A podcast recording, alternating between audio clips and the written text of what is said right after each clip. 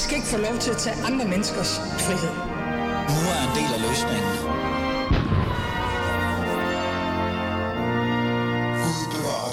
Valget nærmer sig jo mere og mere, altså, og i virkeligheden så er det jo, som I alle sammen godt ved, i morgen. Men hvad skal vi egentlig stemme, og er der overhovedet nogle tvivlere derude? Altså ifølge forskerne og statistikkerne osv. Så, videre, og så, videre, så er der faktisk rigtig mange, der er stadig er i tvivl. Og derfor så vil jeg gerne bruge dagens øh, program, dagens afsnit, til at tale om den her tvivl, men også sådan være lidt egoistisk og tage afsæt i min egen tvivl. For jeg som borgerlig er også i tvivl om, hvad jeg skal stemme på i dag. Så i dagens afsnit af Elis Fæderland vil jeg sætte lidt øh, fokus på det borgerlige Danmark, og hvorfor er det, den her tvivl er egentlig er dukket op? Er det på grund af Søren Pape Poulsen og Ellemanns, lad os sige, øh, lidt så ikke så stærke kandidatur, eller er der andre ting på spil? Du lytter til Alice Fæderland, og lad os komme godt i gang med det her.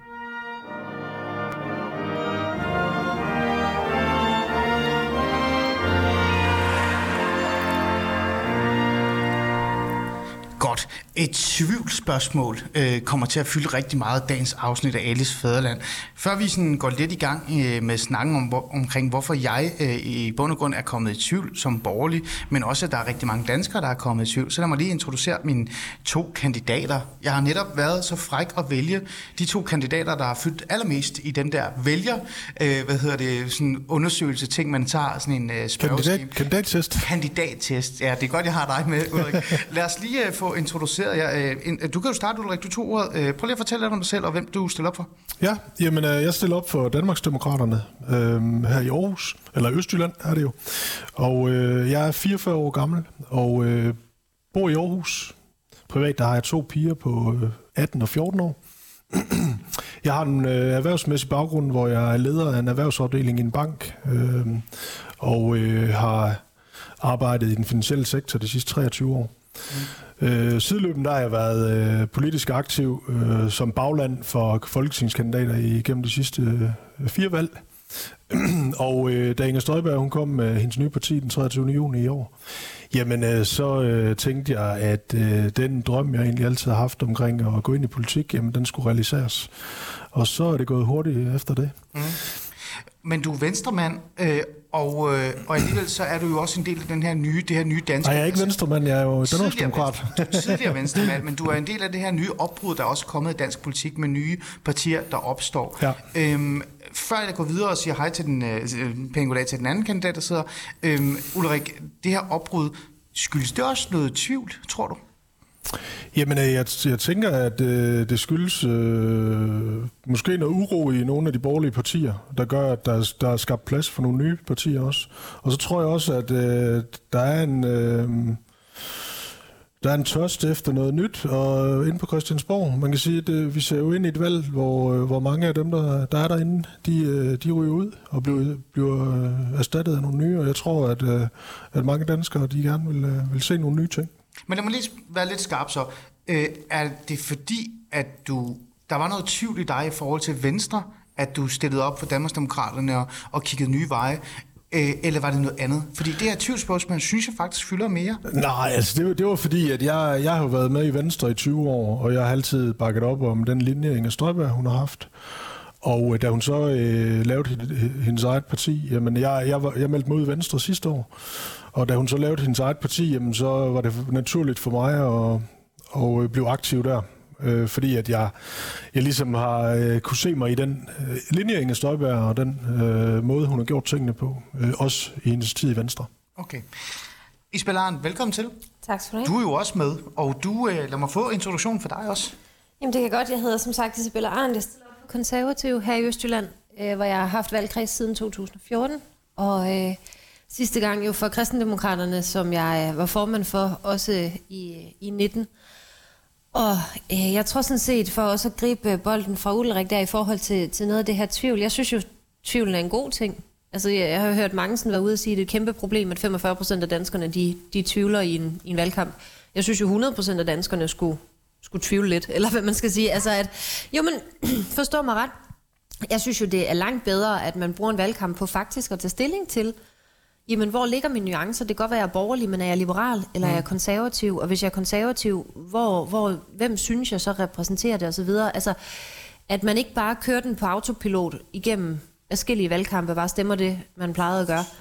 Øhm, så jeg tror, at der er flere, der er i tvivl. Jeg tror, nu både øh, Ulrik og jeg repræsenterer jo også mennesker, der har været medlem af, af mere end et parti. Altså, øhm, Ja, præcis, fordi, at, at jeg tror respekt- bare, der er plads til, måske mere nu end i mine forældres eller bedsteforældres generation, hvor man var sådan, prøv at jeg gifter mig med Venstre, fordi jeg bor her, og jeg er landmand, og det har jeg altid ment. Eller sådan.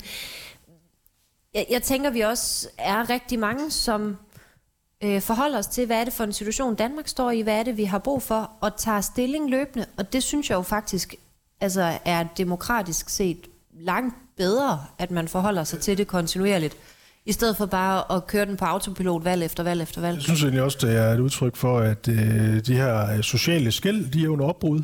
Øh, fordi i gamle dage, der var det jo netop, som Elisabeth siger, en landmand, så næste øh, landmandens søn blev over venstremand, eller ja. landmand. Her der, øh, nu har vi et samfund, hvor, øh, hvor man faktisk kan, ikke behøver at lave det samme, som ens forældre gjorde, og måske også kan, kan rykke både uddannelsesmæssigt og karrieremæssigt i forhold til, hvad ens forældre har gjort. Og dermed måske også ens politiske prioriteter, de bliver anderledes. Så jeg ser det som et sundhedstegn, at, at vi faktisk bliver mere dynamisk samfund. Mm. Men, men det, det vil jeg faktisk gerne give dig ret i. Øh, det giver jo også øh, god mening, øh, når man tager det på den måde. Men Isabella, du er jo du er jo også en af dem, der har skiftet parti, som, som på en eller anden måde, man kan sige, Ulrik også har. Øh, så jeg har jo lyst til at stille dig det samme spørgsmål. Øh, vi har jo haft et en til en interview, hvor vi talte meget om det her skift fra kristendemokraterne til konservativ. Men var der også noget politisk tvivl i dig, bare sådan i forhold til, altså, øh, at der er brug for noget nyt? Nej, altså jeg har været socialkonservativ øh, altid, tror jeg, i virkeligheden. Og så har jeg været det i, i KD, som jo langt hen ad vejen er et udelukkende socialkonservativt parti. Øh, Øh, og så nu er jeg så socialkonservativ fløj, eller hvad man skal sige, inde i, inde i det konservative. Så for mig har det sådan set aldrig været værdierne eller kompasset, der har været, der har været i tvivl. Øhm, men jeg tror, altså, jeg tror, der er mange danskere rundt omkring, og også mange i det borgerlige, som, øh, som nu forholder sig til det på en anden måde. Og jeg tænker også, noget af det kan være en konklusion af, at man i nullernes øh, fås øh, ære og så videre som borgerlig, der havde man ligesom puljet det hele sammen i en blok, ikke? Altså VKO sad tungt på det hele, og, og det blev lidt sådan et fedt, om det var Venstre eller øh, DF eller konservativ, men det er jo tre forskellige ideologier. Mm. Altså der er jo grundlæggende forskel på, om du er liberal eller konservativ, om du er nationalkonservativ eller hvad du er, så, så jeg synes, det er klædeligt for os borgerlige partier, at vi tør sige, det var jeg jo også ude at snakke med dig om på et tidspunkt, sige, at jeg er borgerlig, men jeg er ikke liberal. Mm. Altså, at det kan man godt, det kan man faktisk godt være, uden at vi behøver at være sådan en øh, mm. blok under tryk. Så det du siger i virkeligheden, det er sådan lidt, der er noget positivt i, at sådan en som mig, som er borgerlig, men også mange danskere generelt, er begyndt at tvivle lidt på at stille, eller sætte deres kryds der, hvor de plejer at gøre, øh, at det faktisk kan være sundt, fordi ja. det får en til at reflektere lidt over, hvad det egentlig man øh, er optaget af, hvad det er, man stemmer på, i stedet for bare at gøre det på automatik. Er det det, du prøver at sige her? Ja, og så tror jeg, at det betyder noget at stemme personligt. Det oplever jeg da, at, at personerne fylder mere i dansk politik, øh, og, og man kan sige, hvis det bliver sådan noget personsager og sådan noget, det, det er ikke så sundt, fordi man kan sige, det bliver ikke nogensinde partiledernes privatliv, der bliver udslagsgivende for Danmarks samfund de næste fire år. Det er ikke det, de tager med ind i forhandlingerne. Men det, at man stemmer personligt på en kandidat, synes jeg jo er øh, vigtigt. Altså fordi der er stor forskel på, nu kender jeg ikke lige alle sammen i Danmarksdemokraterne, men jeg kunne forestille mig, at I også har nuancer, der er forskellige mærkesager, forskellige ting, man synes er vigtigt. Det er det jo også for os i konservative. Mm. Der er forskellige prioriteter. For mig er det klima og børn, der ligger nummer et. Hvis du gerne vil forsvare kultur, jamen, så synes jeg, du skal stemme på Markus Knudt. Eller sådan, altså, at, at man også som vælger ligesom forholder sig til at sige, valget handler om et stort kompleks gruppearbejde derinde på Christiansborg, når vi er færdige, og det betyder en verden til forskel, hvem der møder op i de respektive gruppeværelser, og hvordan de er med til at påvirke partierne. Så jeg tror, noget af tvivlen opstår jo af, at det går op for folk, hov, partierne er dynamiske, de udvikler sig, de tænker, de innoverer, de, de splittes, de samles, de, øh, altså, og hvem man stemmer ind i det gruppearbejde, gør en kæmpe forskel. Mm. Øhm, noget andet, der har gjort, at man måske godt kunne sige, for jeg kan godt se, det, jo, det kan jo faktisk være positivt det her, ikke i virkeligheden, for man får en større palette, man så kan stemme på. Men noget andet, der så får mig til at, sådan at, at, sådan at reflektere lidt, eller i hvert fald tænke over, det er sådan lidt, øh, hvorfor har det borgerlige Danmark så sådan haft så, så travlt med at fremstå som sådan en samlet familie, hvor de har stået igen og igen og igen, nu kigger jeg på dig, Ulrik, øh, foran, sådan et, øh, foran pressen, som sådan en eller anden seance fra filmen Klovn, eller serien Klovn, for den sags skyld.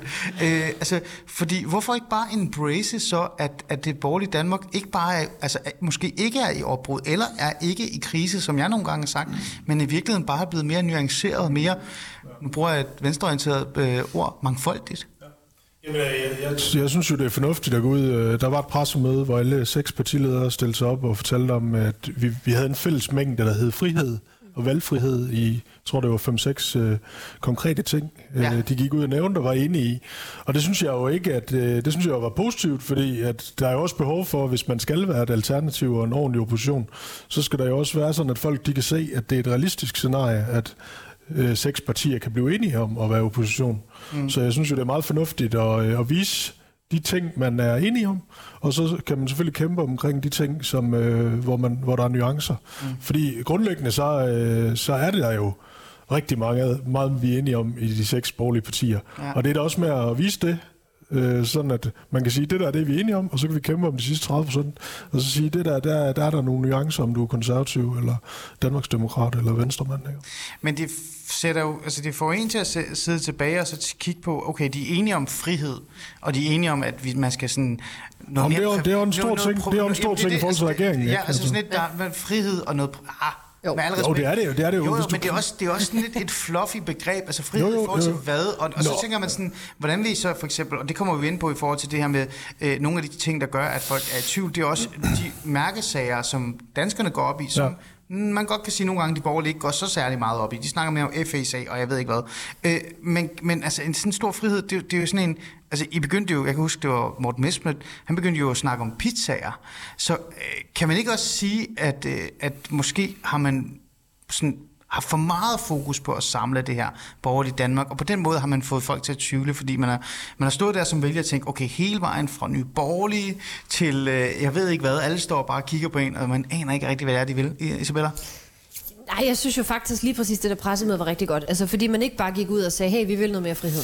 Man havde seks helt konkrete velfærdsområder, hvor vi siger, jamen når vi siger frihed, så hedder det frit valg og plejehjem, det hedder fertilitetsbehandling, det hedder ligestilling af offentlige private daginstitutioner osv. Altså, jeg synes jo faktisk lige præcis det pressemøde var ude og forklare, der er forskel på, hvordan man er borgerlig, der er forskel på, hvor højt man prioriterer de forskellige øh, områder, øh, men der er også en kæmpe fællesmængde som gør, at man vil være i stand til at lave en borgerlig regering, som er arbejdsduelig, og også tillader jeg mig at sige mere arbejdsduelig end den fællesmængde, der er mellem radikaler og enhedslisten og alternativet. Ja. Altså, så, så det er jo fordi, at politik er, øh, og det tror jeg også, der er mange vælgere, der jo, der jo, når de lige tænker over det, godt er klar over, jamen det er det der kæmpe store gruppearbejde, og vi byder ind med noget forskelligt hver især til gruppen, og dermed kan de være med til at sammensætte gruppen, men vi bliver jo også nødt til at, at tage noget ansvar, især de er også, øh, der sidder i nogle partier, der gerne vil i regering, og vise, at når alt det her er slut, og vi er færdige med at diskutere de der 20-30 procent, vi er uenige om, så er der en fællesmængde, og der er noget, der kan bære Danmark igennem de næste fire år, hvor danskerne kan stole på, at der er altså øh, en voksen for bordenden, som nok skal sørge for, at økonomien holder, at velfærden den overlever, øh, at klimaet bliver prioriteret, børnene har det godt og sådan noget. Altså at, at det bliver hurtigt, sådan valgkampen bliver det hurtigt, de der små petitesser, øh, pizzaer, mærkesager og slogans, der, der fylder.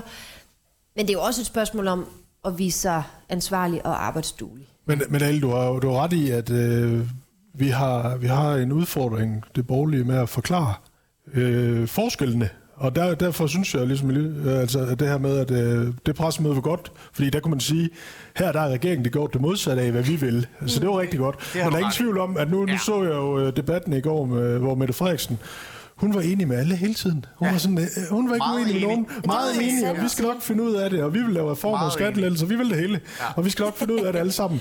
Og, og der har vi jo en kæmpe udfordring i at sige, jamen det er fint nok med det, men øh, det du står og siger, det har du ikke gjort de sidste tre, tre et halvt år, så hvorfor skulle vi tro på, at du gør det nu?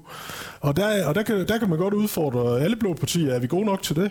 Ja. Fordi at, øh, der, der skal vi jo øh, øh, være klar øh, over for danskerne, så de kan se det for sig, mm. at det faktisk er noget andet. Og det bliver jo rigtig svært, fordi man må sige, at Mette Frederiksen er dygtig til at kommunikere. så hun står og siger, jamen alle kan få det der indtryk, jamen vi er lidt, vi er lidt enige om det hele. Ja, det og så, det, og, og så, Ja. så kan vi jo lige så godt blive ved med, med, med ja. mig, fordi at, øh, det er jo det nemmeste. Ja. Så, så der har vi, og der, der mangler vi noget kant, og, og det er jo det, øh, sådan en valgkamp er god til, fordi der er vi ude og, og prøve at tegne konturerne op, og der kan man jo, og der er det jo godt, øh, og det kan godt være, at der er nogen, der synes, det er lidt tilbageskuende, men der, der er man jo nødt nødt til at se, hvad er det faktisk, der er gennemført de sidste tre år. Fordi at, at det kan man jo ikke snakke sig væk fra, fordi Nej. det er jo facts. Ja. Øh, og det er man jo nødt til at, at nævne, fordi så ved jeg godt, at der er nogen, der siger, at Mulrik, du skal snakke om din egen politik. Jo jo, men jeg er nødt til at fortælle, hvad jeg gør, vil gøre, have, ville have gjort anderledes. Mm. Fordi det er den bedste faktor til at se, hvad, hvad skal der ske fremadrettet. Ikke? Uh, Ulrik, her til sidst forhold til den her med uh, både troværdighed, men også det her med tilliden, uh, og også det her uh, usikkerhed på, i forhold til, hvad man skal stemme på eller ej. Uh, du er jo uh, en del af et nyt parti, og, ja. og, og, og du har jo sikkert mødt rigtig, rigtig mange nede på gaden, altså på gader og stræder. Uh, er der aldrig rigtig nogen, der er kommet op til dig og sagt, ved du hvad, jeg stemmer sgu Danmarksdemokraterne den her gang, fordi at jeg er i tvivl om, hvad, hvad Venstre og de andre vil?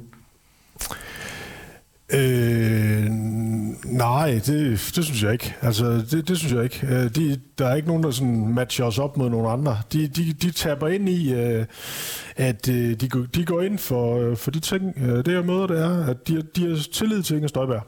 De ved, hvad hun står for, mm. og, og hendes politik, den kan de se sig i. Det er ligesom overskriften. Og så, øh, og så har de hørt det, vi har sagt omkring, at vi vil fokusere på, på de reelle problemer, i stedet for at drøfte alle mulige mærkelige ting, som juridisk kønsskifte, og hvilke sange man må, øh, man må synge i, på universiteterne, og man må have mexikanerhat til en fest. Øh, alle, alle de der ting. Det har de tabet ind i og så sagt, at vi vil prøve at løse de vigtige ting, og det er uddannelse, det er børn og unge, det er sygehus, og det er ældre. Mm. Alt det andet, det er sekundært. Mm. Og det, det oplever jeg egentlig, at det, det er det, de tilvælger, kan man sige. Ikke? Og så den her kombination af, at, at en liberal økonomisk politik og en, og en stram øh, rets- og udlændingepolitik, mm. det, er, det er det, folk kan se sig i. Så det er i virkeligheden det her med, at, at fordi at der er kommet mere nuance og, og flere valgmuligheder, at det er det, der gør, at øh, mange danskere, også en som mig, er kommet i tvivl. Og, det er jo, og, og så må jeg jo bare give jer ret, så er det jo i virkeligheden bare positivt. Isabella, så vi gå videre. Ja, det synes jeg er positivt, og jeg synes jo også, at man som borger nu tillader jeg mig sådan en gammel konservativ slogan at sige, at man har en pligt, og man har noget ansvar. Altså, øh, prøv at, som, der er nogen, der også kom op til mig og sagde, at det var nemmere i gamle dage, der var fire ting at vælge mellem. Ja, men det, prøv her. Det sagde Bertel Hård også her. Ja, og, og det er fint, Bertel, men, men verden er kompleks og nuanceret og svær, og tillad mig at stille det krav til voksne mennesker, at man bruger sin stemmeret, at man, altså, tager stilling, tager ansvar. Hvad er det for et samfund, du vil have? Hvad er det for nuancer, du vil prioritere? Øhm, det er hver fjerde år. Jeg synes faktisk ikke, det er for meget for langt, at man lige prøver at sætte sig ind i, hvem der skal lede landet, baseret på mere end Facebook-overskrifter og lignende. Øh, det er også en del af det at være et ansvarligt voksen menneske.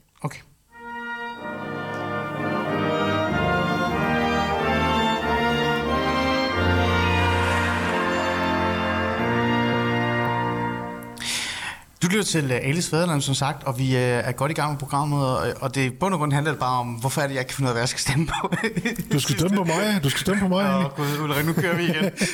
men, men hvad hedder det, vi starter med det her med, hvorfor er det, der er så mange uh, tvivlere, og der er faktisk mange tvivlere i år, og, og, det er en, om det er en negativ ting, uh, og især os, os borgerlige, som faktisk er kommet i tvivl. Jeg har talt med rigtig mange borgerlige, som plejer at stemme et parti, som lige pludselig begynder at tale om noget helt andet i virkeligheden. Men man må jo bare konkludere, efter jeg har talt med jer de første par minutter, øh, at i bund og grund, så er det jo bare positivt. Altså, det er jo fordi, der er kommet mere nuance. En af de ting, som jeg også gerne vil tale mere om, som så er længere ned i det her, øh, det her materiale, kan man sige, I også repræsenterer, øh, det er jo sådan så mærkesagerne i forhold til, hvad man så får, når man så stemmer øh, borgerligt. Og øh, en af de øh, altså mest... Øh, i hvert fald en af det, der gør, at det er i hvert fald det, der gør, at jeg bliver i tvivl. Det er sådan lidt, jeg ved jo godt, hvad jeg får, når jeg stemmer borgerligt, når jeg snakker om, når det handler om udlændingepolitik, og den handler om øh, erhvervspolitik osv. osv. osv. Det ved jeg jo faktisk oprigtigt godt. Du sagde det her med, at VLAG-regeringen og Anders Fogh, de sad tungt på, det, på politikken, og også bare på stemmerne dengang. Men det var fordi alle borgerlige var enige om, at udlændingepolitikken skulle være stram, og så var der en aktivistisk, øh, hvad kan vi sige, sådan en ud verden øh, øh, tilgang til det hele. Så der var noget, der samlede os øh, i bund og grund det kan man jo sige, det er forsvundet lidt nu. Nu er det sådan, det, det er jo derfor, Mette Frederiksen står og siger, at vi er jo enige om alt. Altså, roligt nu. Så der mangler sådan et samlingspunkt. Og når man tager det, og så kigger på, hvad danskerne går op i, som er sundhed, øh, psykiatri, øh, klima osv., osv., så er der ikke den der øh, samling hos øh, borgerlige. Er det fordi det borgerlige Danmark øh, i virkeligheden øh, er meget forskellige der, Ulrik? Eller er det mere fordi, at man måske i mange år har haft fokus på udlændingepolitikken og de andre ting, og så er man i gang med så at omstille sig til at faktisk at forholde sig til det, danskerne nu gerne vil have, man skal forholde sig til? Hmm. Jamen, øh, altså jeg synes, der omkring sundhed, psykiatri, klima, der synes jeg, der egentlig der er en, der er en borgerlig debat også. Øh, det er da noget, jeg bliver, har brugt meget valgkampen på. Folk kommer og spørger mig om, øh, og er interesseret i. Og ikke fordi, at de vil pege fingre, men fordi de gerne vil høre Må jeg omkring, hvordan jeg tænker om, for eksempel, når de møder? Jamen, øh, jeg var nede, jeg har lige været nede på gymnasiet, der var du også, ja. øh, hvor de spørger om øh, klima. Hvad er vores klimapolitik, for eksempel? Og øh, villig nok, og altså, gymnasieelever, de er generelt meget øh, offensive på, på de der dagsordner. De ikke? vil svar. Ja, ja. Øh, og også meget klimabevidste, og det er jo godt. Øhm, og der, øh, der spørger de om, jamen, skal landbruget så ikke øh, udfordres, så skal de ikke have flere afgifter osv. osv. Altså, og der havde jeg en god dialog med tre øh, her for halvanden time siden, omkring øh, vores syn på, på for eksempel det her med, at øh, CO2-afgift på landbrug, det går vi jo ikke ind for. Øhm, og der, der havde jeg en god dialog med dem omkring, at, at hvis vi fjerner landbruget fra Danmark, jamen, så kan vi jo ikke udvikle løsninger øh, til at gøre landbrugsproduktion endnu øh, mere mindre klimabelastende. Så, øh, så der, der synes jeg, der er masser af dialog. Den vej. Vi kommer tilbage på det her med, med klima. Jeg har en gæst, vi, øh, som også skal være Ja, med i programmet, ja. som en indspark, vi ringer op. Men lad os lige så holde os til nogle af de andre øh, områder. Sådan noget som psykiatri, sundhed og familie også for den sags skyld. Øh, Isabella Arndt, det er jo noget, du har gået op i i rigtig, rigtig mange år. Mm. Nu er du jo i et konservativt folkeparti, øh, et godt, grundigt gammelt parti, ikke fordi det er, øh, der, er, der er også det samme med kristendemokraterne, men nu er du her. Øh, fylder det her nok øh, synes du, i det borgerlige Danmark, men også i dit eget parti? Øh, eller burde det fylde mere? Altså, jeg synes, øh, at familiedagsordenen fylder rigtig meget for konservative. Jeg synes godt, det kunne fylde mere for øh, det brede borgerlige samarbejde, faktisk. Øh, så, så det synes jeg sagtens, det kan, men man kan sige, der hvor jeg tror, at det også er nødvendigt, nu er det jo svært at udfordre en, en Mette Frederiksen, som Ulrik også er inde på, der bare er enig med hvad som helst, der genvinder hendes statsministerposten. Men men der, hvor vi bliver nødt til at tale velfærd, og det oplever jeg sådan set, der er mange, der forstår, når ellers man, man snakker sammen, det er jo det her med det frie valg. Ja. Og så er der nogen, der siger, "Men hvorfor er det velfærd? Hvor jeg siger, jo, men prøv her, nu skal jeg have et barn her lige om lidt. Det vil sige, at jeg, jeg bevæger mig lige så stille ind i institutionsverdenen og skal forholde mig til, til dagplejere, og hjemmepasning og vuggestuer og private og offentlige børnehaver osv. Og så er der jo, som om venstrefløjen har fået lidt patent på at være dem, der vil noget godt øh, for velfærd, hvor jeg siger, men jeg føler mig som forælder lige om lidt, og mor til en lille pige, ikke mere tryg af, at kommunen siger, der er den her vuggestue at vælge imellem, og hvis ikke du er tilfreds, så kan du aflevere dit barn igen i morgen og være utilfreds. Altså, jeg tror noget af det, vi som borgerlige virkelig kan gå ud, når det handler om velfærd, det er at sige, vi vil bruge også penge på sundhed, på børn, på ældre, men vi synes bare, at den der knude i maven, jeg tror, der er mange forældre, der genkender for eksempel, når de afleverer deres børn og kan mærke, åh, er det her godt nok? Eller når du forlader et plejehjem Ja. og tænker, er jeg helt tryg ved det her? Den skal du have lov til at reagere på, og så gå et andet sted hen. Det, prøver, prøv, det har du fuldstændig ret i, og så er vi tilbage til det her frie valg og den her øh, fantastiske presseseance, vi stod i. Men, mm, men det ændrer jo ikke rigtigt på, at det borgerlige Danmark, øh, eller ikke det borgerlige Danmark, danskerne, de går op i, i de her velfærdsproblematikker, der er sundhedssystemet, psykiatrien, øh, de har overhovedet glemt klima osv. osv. Men når man så spørger øh, de borgerlige, hvad er jeres løsninger på det, så er det det frie valg, privatisering øh, og så videre, så videre, man trækker op af hatten. Med al respekt, Isabel Arndt, det er jo ikke, det er jo ikke nogen nye initiativer, det er jo ikke nogen nye tiltag, og det er jo heller ikke Altså, Men det er jo ikke behøver noget det være dansk. det? Altså, Jamen, men når du, fordi at- står, at- når du står i en situation, hvor du kan se, at der er flere og flere børn, der mistrives, fordi mm. psykiatrien er brudt sammen, men også mistrives på, i daginstitutionen, for der ikke er nok ja. Ja. hader at blive kaldt hænder, men nok hænder øh, omkring det. Du kan se, der er flere, øh, altså der, der er Ja. mange problemer, som har brug for en investering, og også en, en anderledes tænkning end den der klassiske, liberale, borgerlige, sæt jeg enig mennesket fri Nej. og flere skatter. Øh, er det, er det ikke et problem, tænker du, over for vælgerne, som står og siger, jeg kan ikke aflevere mit barn i en daginstitution, og så siger du til mig, frit valg. Jamen, det er da netop løsning. Altså, det, det er for at sige, at, at hvis vi har en Jamen, stor det er jo, hvis du har penge nok. Og så kan Nej, du, nej, nej, nej, Nej, nej, nej, nej, nej, det er nej, nej. Jamen, det er jo det, de tænker. Det er det, jeg Jo, men, at sige. men det er det, jeg desperat prøver så at, at komme med noget oplysning på her. Det er at sige, det frie valg er jo ikke et spørgsmål om et dyrevalg. Altså, jeg tror, der er rigtig mange, der har en oplevelse af, at hvis det er privat, så koster det penge. Det gør det altså ikke.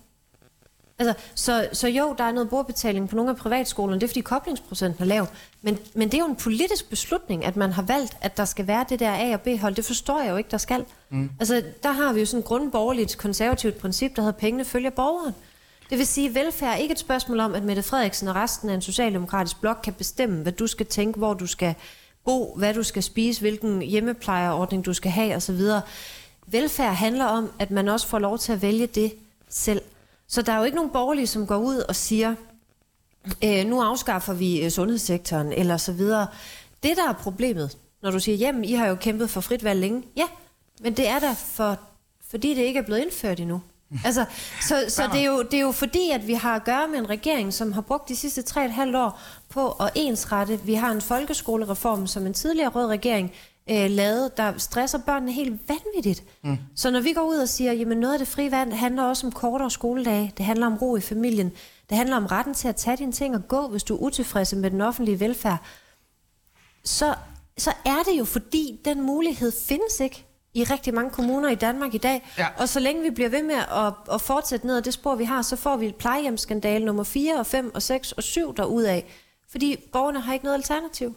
Ja, man kan så sige, at Søren Pape Poulsen var ude og komme med en, en idé, en tanke omkring plejehjem, og så trak han det tilbage samme dag. Så man kan også øh, så undre sig lidt over, om det er kommunikationen så eller måden at sælge sine idéer på. Ulrik, det er det det, det handler om? Ja, altså handler det om måske, at, at de borgerlige har været stærke til at fortælle danskerne, hvad de vil med udlændingepolitikken, stram udlændingepolitik, øh, flere penge i lommen på, på borgeren, altså skattelettelser osv. osv.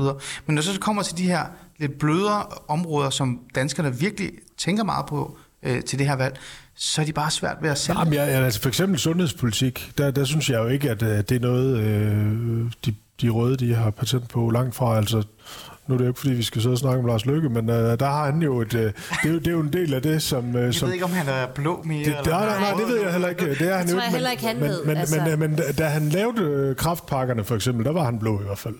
Ja. Uh, og, og man kan sige, at... at så jeg, jeg, jeg opfatter egentlig ikke sundhedspolitik som noget rødt. Overhovedet ikke. Tværtimod. Ja. Fordi at, at der, der var det jo under, under socialdemokratisk regering i 90'erne, der sejlede, øh, der var vi jo nogle af de ringste i Europa på kraft, for eksempel. Ikke? Og så så det, det, det opfatter jeg ikke. Men, øh, men noget andet ud over det der frit valg, du siger, det er det eneste, vi kan sige. Så synes jeg jo også, det, det som vi har talt øh, meget om, det er jo også noget som ledelse i det offentlige. Og, og der, der er det jo fint nok at sige, at vi skal have bedre ledelse, men så kræver det jo også, at vi som politikere vil afsætte nogle penge til at uddanne nogle ledere. Ja. Og det synes jeg er en vigtig dagsorden, fordi at vi ved jo alle nu, når jeg, når jeg taler med nogen, der er i øh, børnehaver eller pædagoger og så videre, i, det, i, øh, eller vuggestuer, så, så er der jo nogle steder, der fungerer det pisse godt. Og hvorfor gør det det? Det er fordi, der er styr på tropperne, og der er en god ledelse, som øh, har det godt med medarbejderne, og som har hånd i hanke med det. Vi kender det også fra folkeskolen. Der er nogle lærere. Hvis der er nogle lærere, man har respekt for, som børnene de, øh, de ved, øh, hvad de vil, Jamen, så, så, det, så det er godt. Der kan være nogle lærere, der er svage, som ikke kan styre børnene, så ved børnene også, at de skal udfordre helt vildt, ja. og så sejler det. Og de får jo det samme i løn, øh, så det er jo, det er jo noget med ja. god ledelse, Men det kræver investering. Ja, men det kræver også, at det, det, det synes jeg er en, en borgerlig dagsorden, det er jo, at, at vi skal kræve, eller vi skal tilbyde også at finansiere noget ledelse i det offentlige, fordi jeg, jeg tror, det det er mega afgørende, fordi i bund og grund er der jo der er jo ikke forskel på, hvor mange penge de velfungerende børnehaver får, og de øh, dårlige børnehaver. Det er forskellen, det er tit ledelse. Mm. Øh, du nævner noget, som rammer lidt ned i den her tvivl, men også den her, det her skift, der også er kommet i det borgerlige Danmark. Det er jo, at, at man at der er faktisk også nogle partier, der ikke bare siger, at vi skal ved, justere, og vi skal tage penge fra det offentlige system, og det er kun dårlig ledelse. De siger også, at vi skal investere lidt, eller holder fast i, at vi skal mm. faktisk be- bevare og forsvare det ja. her velfærdssystem. Det gør I jo i Danmarks ja, ja, det gør vi, ja. og det gør uh, Ellemann i virkeligheden også. Ja, ja. Uh, men, men det er jo der, hvor uh, resten af den borgerlige fløj ikke er med på den idé. Og det, er det jo synes også jeg er skræmmende. Altså, kons- altså, hverken konservative, liberale alliance eller andre er ude på at afskaffe velfærdssamfundet. Altså, men nogle gange, så, så, så inden vi sådan kritter... Jo, nogle gange, ej, så den bliver jeg nødt til lige at... Nej, men det er fordi, nogle gange, nu kommer jeg bare med den her klassiske tænkning fra, fra Men så tænk det hurtigt, så jeg kan komme det med gør jeg også. Det gør jeg også. Nogle gange så har man jo sådan den her idé om, at ligegyldigt hvad man siger til det borgerlige Danmark, så er svaret, jamen det er fordi pengene bliver brugt forkert. Vi, kan, vi, har ikke, vi skal ikke bruge flere penge på det der velfærdssystem. det er jo ikke rigtigt. Det er bare ikke rigtigt, Ali. Minimumsnummeringerne skal fjernes, fordi Men- der skal være frit valg og sådan nogle ting. Kan, kan den her kommunikation eller den her tilgang til velfærdssystemet, kan det ikke være med til, at, at man virkelig kan mærke, at, at, at det bare ikke er gået så godt i år, i forhold til at forklare? Men to ting. For det første, nu tegner du det borgerlige op som om, at det samlede borgerlige Danmark ligger til 3% af stemmerne. Altså, Ej, men, vi, men vi, hvad, med al respekt, hvis du tog en... en nu, nu er det bare en... Jo, jo, en men- pop- men det er bare for at sige, nu, det er jo ikke- Siger, det, jeg har jo ikke noget statistik på det, men Isabella Arndt, hvis man lavede en statistik på det, kun på de her 3-4 områder, så vil jeg ikke være afvisende fra at sige, at det ville ligge meget lavt. Lad os sige det på den måde. er verden også mere kompleks end tre eller fire områder. Fordi det viser sig, at der er nogen, der bliver nødt til at tjene nogle penge, hvis vi skal have nogle penge at fordele. Så, så heldigvis står vi jo ikke med en borgerlig krise, hvor kun 20 procent af danskerne er borgerlige. Altså Danmark har altid ligget omkring 50-50, så jeg tror også, inden vi, vi taler krisestemning op, som om, at de borgerlige intet formår, øh, så, så er det stort set halvdelen af befolkningen ved hver eneste valg, der stadigvæk stemmer borgerligt. Og det bliver det også cirka ved det her valg igen, alt efter hvad Lars Lykke føler, han er på dagen. øhm, Svært nok. men, men når vi siger, at pengene kan bruges smartere i det offentlige, så er det jo fordi, at vi hen over den seneste regeringsperiode, for bare at tage den som eksempel, har ansat over 30.000 ekstra mennesker i det offentlige. Hånden på hjertet, hvor mange af jer danskere derude synes, I kan mærke 30.000 ekstra hænder? Det tror jeg ikke, der er mange, Altså, der kan. så, Ærligt. så, så det er bare for at give det helt konkrete eksempel ja. og sige, hvis systemet er, er, er gået i stykker, psykiatrien for eksempel, øh, eller alle mulige andre steder, hvor man kan sige, skolereformen, for at tage den, du er også inde på folkeskolen, den fungerer ikke. Altså, så bliver vi nødt til at erkende, at det der Antorini Prestige-projekt, der blev lavet i 13, det fungerer ja. ikke, det har spillet for lidt. Så er det lige meget, om vi også de næste 3,5 år under Mette Frederiksen ansætter yderligere 30.000 mennesker. Det kommer vi ikke til at mærke. Så der er jo noget fuldstændig grotesk i en, en debat, hvor vi siger, at det er alene et spørgsmål om antallet af mennesker, vi ansætter, når ingen har oplevet den stigning som positiv, der har været. Det er jo fordi, vi bruger vores tid i det offentlige forkert. Mm. Det er fordi, vi har haft en socialdemokratisk regering, som gerne ligesom vil have hånd i hanke med alt, hvad der foregår alle steder i hele landet, og kontrol over det hele. Ja. Med en borgerlig frihedsreform, med noget tillid til de offentlige, så er der faktisk tid til den omsorg, der er brug for. Mm. Og samtidig kan vi gå ind og sige, vi mangler nogle hænder. Det er jo derfor, vi borgerlige, vi også kalder arbejdsudbudsreformer for velfærdsreformer. Det er jo fordi, hvis jeg mangler tre lærere i en folkeskole for eksempel, og jeg slår syv, så slår jeg tre stillinger op. Så er der en lærer, der søger. Så får jeg at vide, nu har du flere penge til at ansætte lærere for. Okay, fedt, jeg mangler stadig tre lærere. Så nu slår jeg 10 stillinger op. Mm. Så er der en lærer, der søger. Altså, vi bliver nødt til også at kunne se det ud fra det virkelige perspektiv, der er. Hvis ikke der kommer mennesker, der arbejder på det danske arbejdsmarked, hvis ikke der kommer mennesker udefra, hvis ikke vi laver de nødvendige reformer, så er der ikke mennesker nok til at tage de her stillinger i det offentlige. Og så får vi 3,5 år mere, hvor man ansætter 30.000, uden at den eneste dansker oplever, at velfærden er blevet bedre. Ulrik, øh, så fik Isabella Arndt lige sat mig på plads. Det er jo en af de ting, jeg godt kan lide ved Isabella Arndt i virkeligheden. Øh, Ulrik, hvis vi siger, at, øh, at det I, I nu lægger frem foran mig er rigtigt, og det er jo ikke, fordi jeg afviser det, og øh, man får en borgerlig regering i morgen, kan du så hånd på hjertet sige, at områder som psykiatri og sundhed og alle de her ting, nok ikke sundhed, den skal nok komme i fokus, men psykiatri og daginstitutioner ikke forsvinder og fader ud og bliver sådan en form for spareøvelser og intet andet. At man faktisk oprigtigt i det borgerlige Danmark har i sinde også at øh, jamen, fikse de her problemer, der er i de her områder. Ja, nu så jeg, nu er jeg faktisk i Aalborg og så i det der partilederdebat, der var Højlunds forsamlingshus. øh, Ja. Og, øh, og, og der, var, der var en del af det, det var faktisk øh, meget rørende. Der var en far, der fortalte omkring et forløb på 15 måneder med hans da, teenage-datter, øh, som overhovedet ikke havde fungeret. Og han, han virkede som om, han var ressourcestærk, så, så han havde jo presset på de steder, der skulle være. Øhm, og øh, alligevel havde det ikke fungeret, fordi der var ikke, der var ikke rigtig det blev ligesom kastebold øh, mellem forskellige, og der, havde, der var ingen tvivl om, at han havde ressourcer til at, at hjælpe, men der kunne jo være nogen, der ikke havde nogen øh, forældre, der havde ressourcer til at gøre det. Men øh, i den debat, der var de partiledere, der var repræsenteret, de var jo meget enige om, at øh, dels at der skulle laves en bred øh, reform, og der er faktisk også, også de borgerlige, at ja. der skulle flere penge til. Ja. Og øh, det var jo vigtigt, og, og der tror jeg jo at især sådan et øh, område, at øh, det er vigtigt, at, øh, at det er bredt, fordi at øh, der skal være et fælles ansvar, så man ikke kan stå og skyde på hinanden bagefter, om at, at det ikke var godt nok. Og så tænker jeg også, at øh, for at gøre noget, hvis man skal gøre noget rigtig anderledes, øh, for eksempel ude i erhvervslivet, ja. hvis nu man skal gøre noget helt anderledes, end hvad man plejer at gøre, så skal man jo også være klar over, at noget af det går galt. Og det er jo derfor, det skal være meget bredt. Så, så hvis nu at man, man, øh, man laver noget radikalt, nu bryder jeg mig ikke over, om ordet radikalt jo godt nok, men hvis man skal lave, hvis man skal, ja, ja, ja, hvis man skal lave noget radikalt anderledes, så det er ikke det radikale venstre, jeg snakker om, nej, nej. Så, så skal man jo også være klar over, okay, nu sætter vi fem nye initiativer i gang, og så prøver vi det i de næste ni måneder. Så skal man jo være klar over, at de to af tingene går galt. Og hvis man ikke er klar til det, jamen så ændrer man jo ikke noget. Fordi at, øh, at så, øh, så, det, øh, så, så kører man safe play, og så går det op i byråkrati, og man skal tjekke, at det hele det virker, og, at, og så, så sker der ikke nogen forandring. Det er jo det er ligesom virksomhed, hvis de laver en udviklingsafdeling, så ved de jo også, at øh, 80% af det, de laver, ja. det bliver aldrig til en skid. Men så forhåbentlig håber de på, at pengene er godt givet ud, fordi at de 20 procent, at det bliver rigtig godt. Men siger du, at, at uh, man kan være tryg ved at uh, sætte sin stemme uh, på et borgerligt parti, uh, hvis man går op i psykiatri, sundhed og, og, og så videre, så videre ja. fordi at man faktisk får uh, en uh, eventuelt en regering, men også partier, som går ind og siger, det er ikke nok med at bare love ting, det skal også gøres ordentligt, og det skal gøres grundigt. Lidt ligesom hvis det var en virksomhed. Ja, ja. Vi skal, vi skal altså, lure ud alle de store ja. problemer, der er, og ændre på det. Ja. Og det er den måde, man faktisk skal redde psykiatrien og sådan Altså, altså nu, nu, nu har vi jo en regering, som indkaldt til forhandlinger, hvad, to uger før valget, ja. og lavet en, en uh, psykiatriaftale, og hvor alle dem, der gik med i den, af de borgerlige partier, de indrømmet, at det var fordi, at de gik med, fordi at de havde ikke nogen noget valg, fordi ellers så ville de stå og sige, at vi ikke var med. Ja. Øh, så, så, så det var, det var, og så kan man sige, vi har haft en regering, der i tre et halvt år ikke har gjort noget, og som laver noget to minutter i lukketid. Det, det er alternativet, kan man sige. Ja. Og, og de, de gik til valg i 19 på, der havde vi samme diskussion, og de gik til valg på 19 nu skulle være en 10-årsplan, og vi skulle alt muligt. Så man kan sige, de har ikke levet op til det, og de undskylder sig så med, at der har været corona, så de kunne ikke to ting på en gang.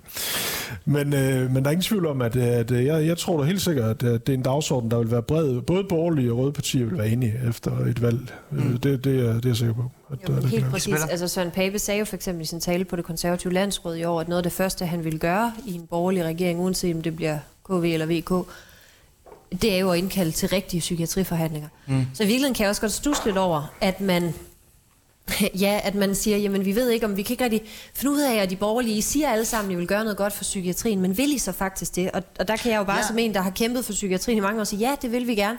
Men hvorfor er det mere troværdigt med en rød blok, som i 19 sagde, at de vil lave en 10-årsplan for psykiatrien, og beviseligt i 3,5 år ikke har lavet planen? Så du har på den ene side en, en lejr, som har brugt 3,5 år på at vise sort på hvidt. Vi prioriterer ikke psykiatrien højt nok til at nå det på en regeringsperiode. Og så har du også borgerlige, som går ud fælles fodslag på tværs af samtlige borgerlige partier og siger, der skal findes de 4,5 milliarder, der mangler i psykiatrien. Det er vi indstillet på. Jakob Ellemann sagde det også i går aftes, for bare også at tage ham med. Det er en bunden opgave. Det er vel langt mere troværdigt så at tage dem, som ikke har kvaret sig i 3,5 år, end dem, som har. Og så, så tror jeg også, at eksempl, eksemplerne har været så mange. Jeg tror, vi alle sammen kender jo nogen i vores omgangskreds, eller vennekreds, eller familie. Og, og som har flere været, flere. Så, endda flere flere, især unge. Også, så alle, alle har det faktisk tæt på kroppen. Mm. Og det betyder jo, at chancen for, at der skal gøres noget, og viljen til det bliver endnu større, fordi det er, det er noget, alle kan se, fordi de møder det i deres hverdag. Og det er lige meget, og det er faktisk øh, bredt for sociale skæld. Det er ikke et eller andet, der er i en eller anden gruppe af samfundet. Det er alle steder. Og så bare lige på den, inden du går videre til klima, Ali, vil jeg bare igen sige, stem personligt. Altså det betyder noget, at man vælger, hvis man har tænkt sig at stemme Danmarksdemokraterne, vælg den kandidat på listen, der går op i psykiatri. Har du tænkt dig at stemme konservativt? Stem på den kandidat, der går op i psykiatri. Det er jo en måde at sikre, at emnet flytter med ind i gruppeværelserne. Mm. Øh, du fik faktisk svaret på det, før jeg overhovedet kunne sige til dig, at du skulle stoppe med at tale, så jeg kunne stille det her. Der er faktisk en lytter, der har skrevet netop om det her, hvor, hvor lytteren spørger, hvorfor har borgerlige ikke prioriteret psykiatrien? Hvorfor først nu? Men de svar er jo, at øh, de faktisk altid har gjort det. Der har måske bare været mere fokus på at, at virkelig gøre det forbundet end sådan noget sløset. Er det, der er svaret til lytteren? Jamen det er det, at vi har sagt, at vi skal have den her 10-årsplan. Det er nogle mange også tror jeg har efterspurgt, det er, hvad gør vi egentlig? Altså, mm. det er en tæskesvær opgave, og jeg tror, der faktisk er mange, der ligesom jeg og andre har været i tvivl om, hvad er egentlig løsningen? Så da de 37 anbefalinger kom i starten af året, så var der nogen, vi kunne læne os op af og implementere. Øh, fordi det er svært, og det bliver nødt til at blive 10-årigt og langstrakt, og fra forskning til forebyggelse til behandling, til samkøring osv. Og, og det bliver vi også nødt til som ærlige borgerlige politikere at gå ud og sige til folk, det her, det er ikke løst næste år, og det er heller ikke løst næste år igen. Men jeg vil garantere, at vi gør vores bedste. Mm. Det er jo i hvert fald en af de ting, man kan sige, Ulrik, øh, altid har været lidt en svaghed for det borgerlige Danmark, har altid i hvert fald følt det, det der med, at, at den der virkelighed, man repræsenterer. Øh, altså, man kunne godt sige, at vi smider en masse penge ind i psykiatrien, så går de bare til sengepladser, som, som senere forsvinder. Men, men den generelle løft af psykiatrien, det er den, man skal, der er den vigtigste, og ikke de der øh, quick fix, som om der er et brand, og man lige skal slukke. Altså, bare her til sidst. Er det det, som for eksempel du vil arbejde for, hvis det var? Ja, det er langsigtede løsninger ja. i stedet for kort. Ja, ja, det vil jeg. Ja, ja. det, ja, det vil jeg. Ja, godt. Jeg vil bare have til at sige det. jo, jo, jo. Jamen, uh, ledende spørgsmål. Meget. Hvad bliver lidt mere? Du lytter til uh, Alis Fæderland, og vi er godt i gang med at snakke om, hvorfor jeg er så i tvivl om det borgerlige, men det kommer jeg til at være for evigt, tror jeg. Og for at kunne få... Er du, er du ikke ved at være afklaret efter nej, den snak her? Nej, ikke endnu. Overhovedet ikke? ikke nej, vi, okay. vi skal have to timer mere. Ja. men, men jeg har i hvert fald to gode uh, folketingskandidater i studiet. Jeg har en fra Danmarksdemokraterne og en fra Konservativ. Ulrik, bare lige sige kort igen, hvor kan man finde dig på stemmesedlen? Jeg stiller op i Østjylland for Danmarksdemokraterne. Og man kan stemme for mig fra Hedensted til Randers. Yes, og man skal stemme personligt, ikke? Og i yes. spilleren, hvor er det, man kan finde dig? Yes, jeg stiller op for konservativ også i hele Østjylland. Mm. Og det, vi har taget øh, afsat i dagens afsnit, det er sådan lidt den der tvivl. Ikke? Hvorfor er det, vi er i tvivl? Hvorfor er det flere danskere, der er i tvivl? Og hvorfor er det, at borgerlige Danmark øh, har begyndt at, sådan, at, at sætte øh, ild til den her tvivlsspørgsmål? Især for mange borgerlige, som jeg i hvert fald øh, taler tit med. De ved ikke, hvor de skal stemme, eller også stemmer de på et nyt borgerligt parti, end det de plejer at gøre.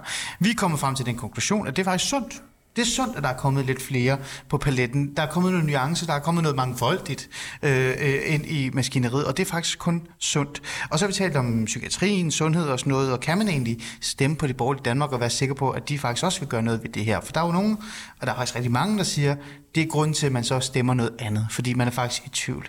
Men igen, det kan man godt, I sælger det rigtig godt. En sidste ting, vi også skal forbi, det er jo klimaet. Fordi det er jo heller ikke bare forsvundet. Klimakampen eksisterer jo stadigvæk, og når jeg siger klimakampen, så mener jeg det oprigtigt, for jeg synes faktisk, der er en klimakrise, som vi skal forholde os til. Så kan vi så tale om, hvor voldsom en krise det er, men der er faktisk reelt noget, vi skal gøre. Og man må i hvert fald sige, at hvis der er nogen, der ikke stoler på det borgerlige Danmark, så er det ungdommen. Ikke alle, men i hvert fald dem, der går rundt og demonstrerer og, og virkelig øh, mener, at der skal gøres nok.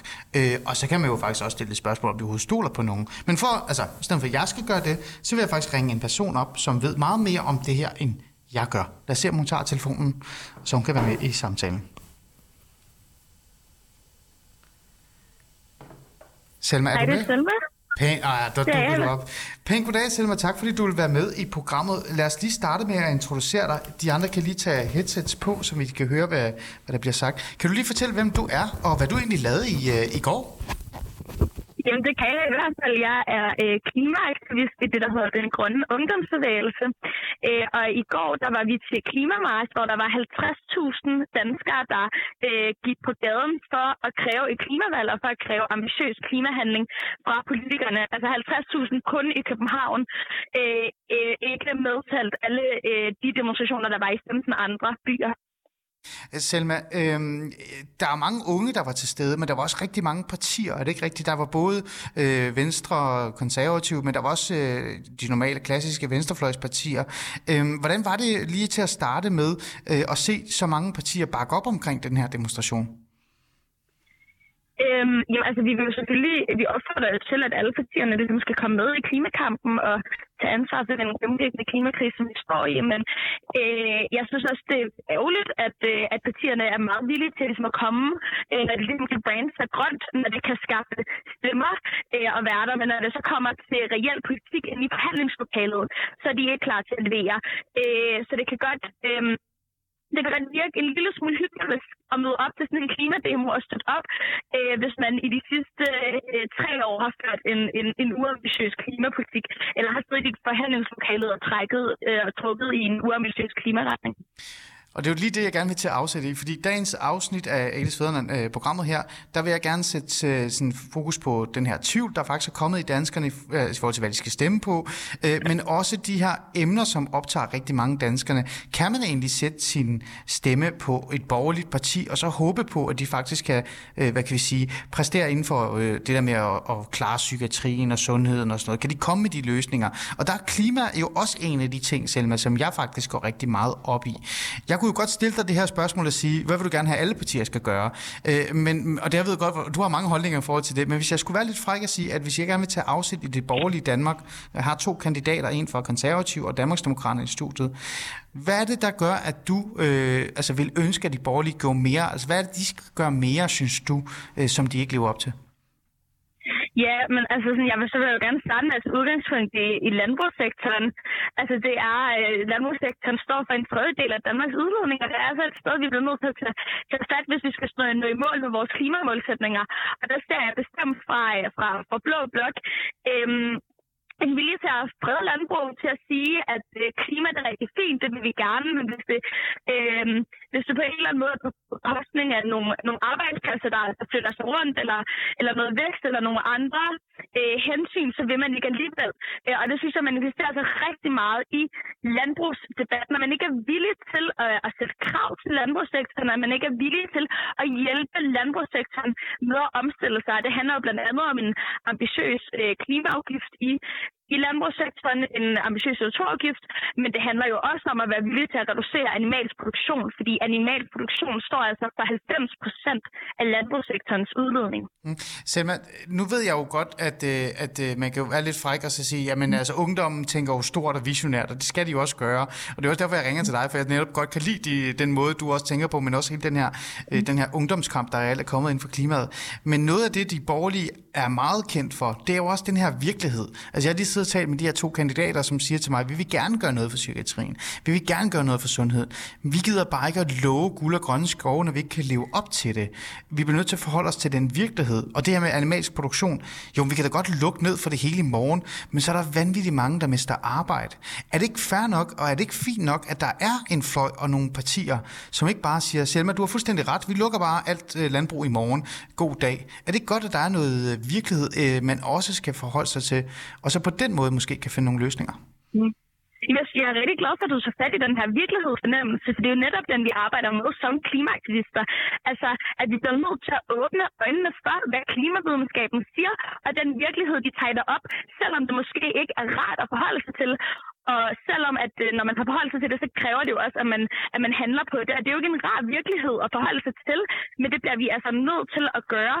Øhm, og der, der vil jeg også bare lige tage fat i det her med at lukke animalsk produktion i morgen. Det er jo heller ikke det, vi siger, man skal. Altså, mm. vi vil også gerne gøre det på en realistisk måde, øh, og på en retfærdig måde, hvor vi hjælper øh, landbrugssektoren og alle de landbrug, der gerne vil omstille sig. Øh, og så der hører man, hører man øh, også det her sådan, øh, arbejdsplads øh, op af hatten, ja. og der har forskning og videnskaben jo altså vist, altså den lækageeffekt, der for eksempel er tale om, når det kommer til landbrugssektoren, den er ikke så stor, og det er, det er, der vil stadig, vi vil stadig se markante CO2-reduktioner, øh, selv hvis vi stiller krav til landbrugssektoren. Okay. Øhm, så det er simpelthen ikke en præmis, jeg tror, at vi som sådan, øh, klimaaktivister, eller som folk, der ved noget om, mm. om klima, accepterer, når det kommer til landbrugssektoren.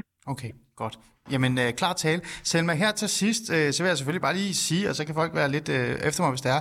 Jeg vil selvfølgelig sige tak, fordi I var ude og demonstrere i, øh, i går, og det skal I bare blive ved med. Og ligegyldigt om jeg er enig og uenig med dig, Selma, så synes jeg, du gør det fantastisk. Men hvis jeg nu skulle være lidt fræk og sige, nu får du lov til at være pressechef, presserådgiver og strategisk chef for, for det hele borgerlige Danmark. Hvad er så dit øh, simple og klare råd, øh, meget enkelt og kort her til sidst til dem, hvad de skal gøre, hvis de virkelig skal altså, tage den her kamp op, som I tager op, øh, for eksempel i går i søndags? Jamen altså, man, skulle, øh, man skal turde stille krav, og så skal man droppe den her retorik om, at den grønne omstilling ikke må koste noget. Vi skal igen gang med en gennemgribende grøn omstilling af vores samfund, selvfølgelig kommer den til at kunne mærkes. Og nej, det behøver ikke at være et tab. Vi kan også skabe en bedre verden i processen.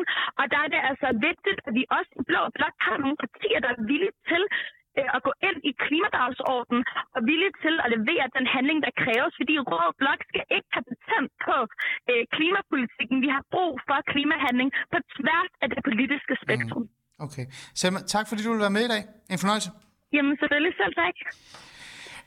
Så åbner vi op for jer igen. Det var jo ungdommens øh, stemme, Selma Montgomery, som er en af de her øh, meget, øh, meget vigtige klimaaktivister. Så er jeg sgu ærligt talt ligeglad med, om jeg er enig med hende eller ej, fordi at det, det er jo faktisk vigtigt at lytte til de her, øh, de her stemmer, især de unge stemmer. Øhm, der er jo meget, hun siger, og vi kan jo ikke nå at tale om det hele, men jeg vil gerne tage afsæt i det sidste, hun siger. Det her med, det, det er vigtigt, at alle bonger ind, altså stemmer ind i den her, og, og, og især også det borgerlige Danmark, for der er brug for, at der bliver gjort noget. Øhm, den her klimakamp, øhm, jeg får lyst til at spørge dig, Ulrik, øh, den er jo også svær i Danmarksdemokraterne, men er den også lige så vigtig, som for eksempel Selma lægger op til her? Jamen, jeg, jeg synes, den er helt vildt vigtig, altså, øh, fordi at, øh, der er ingen tvivl om, at at øh, vi, vi anerkender de her øh, FN-rapporter, der gør, at vi skal, vi skal gøre noget. Vi har tilsluttet os 70% målsætningen øh, i 2030. Så, så vi anerkender fuldt ud, at, øh, at der er en masse, der skal gøres.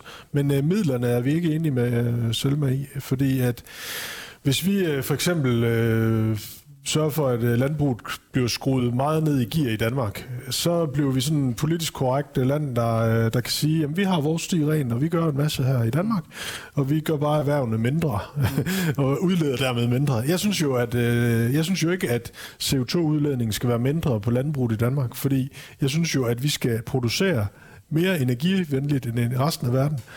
Fordi der, der, der bliver masser af efterspørgsel efter kød øh, ja. i hele verden, ikke? Så.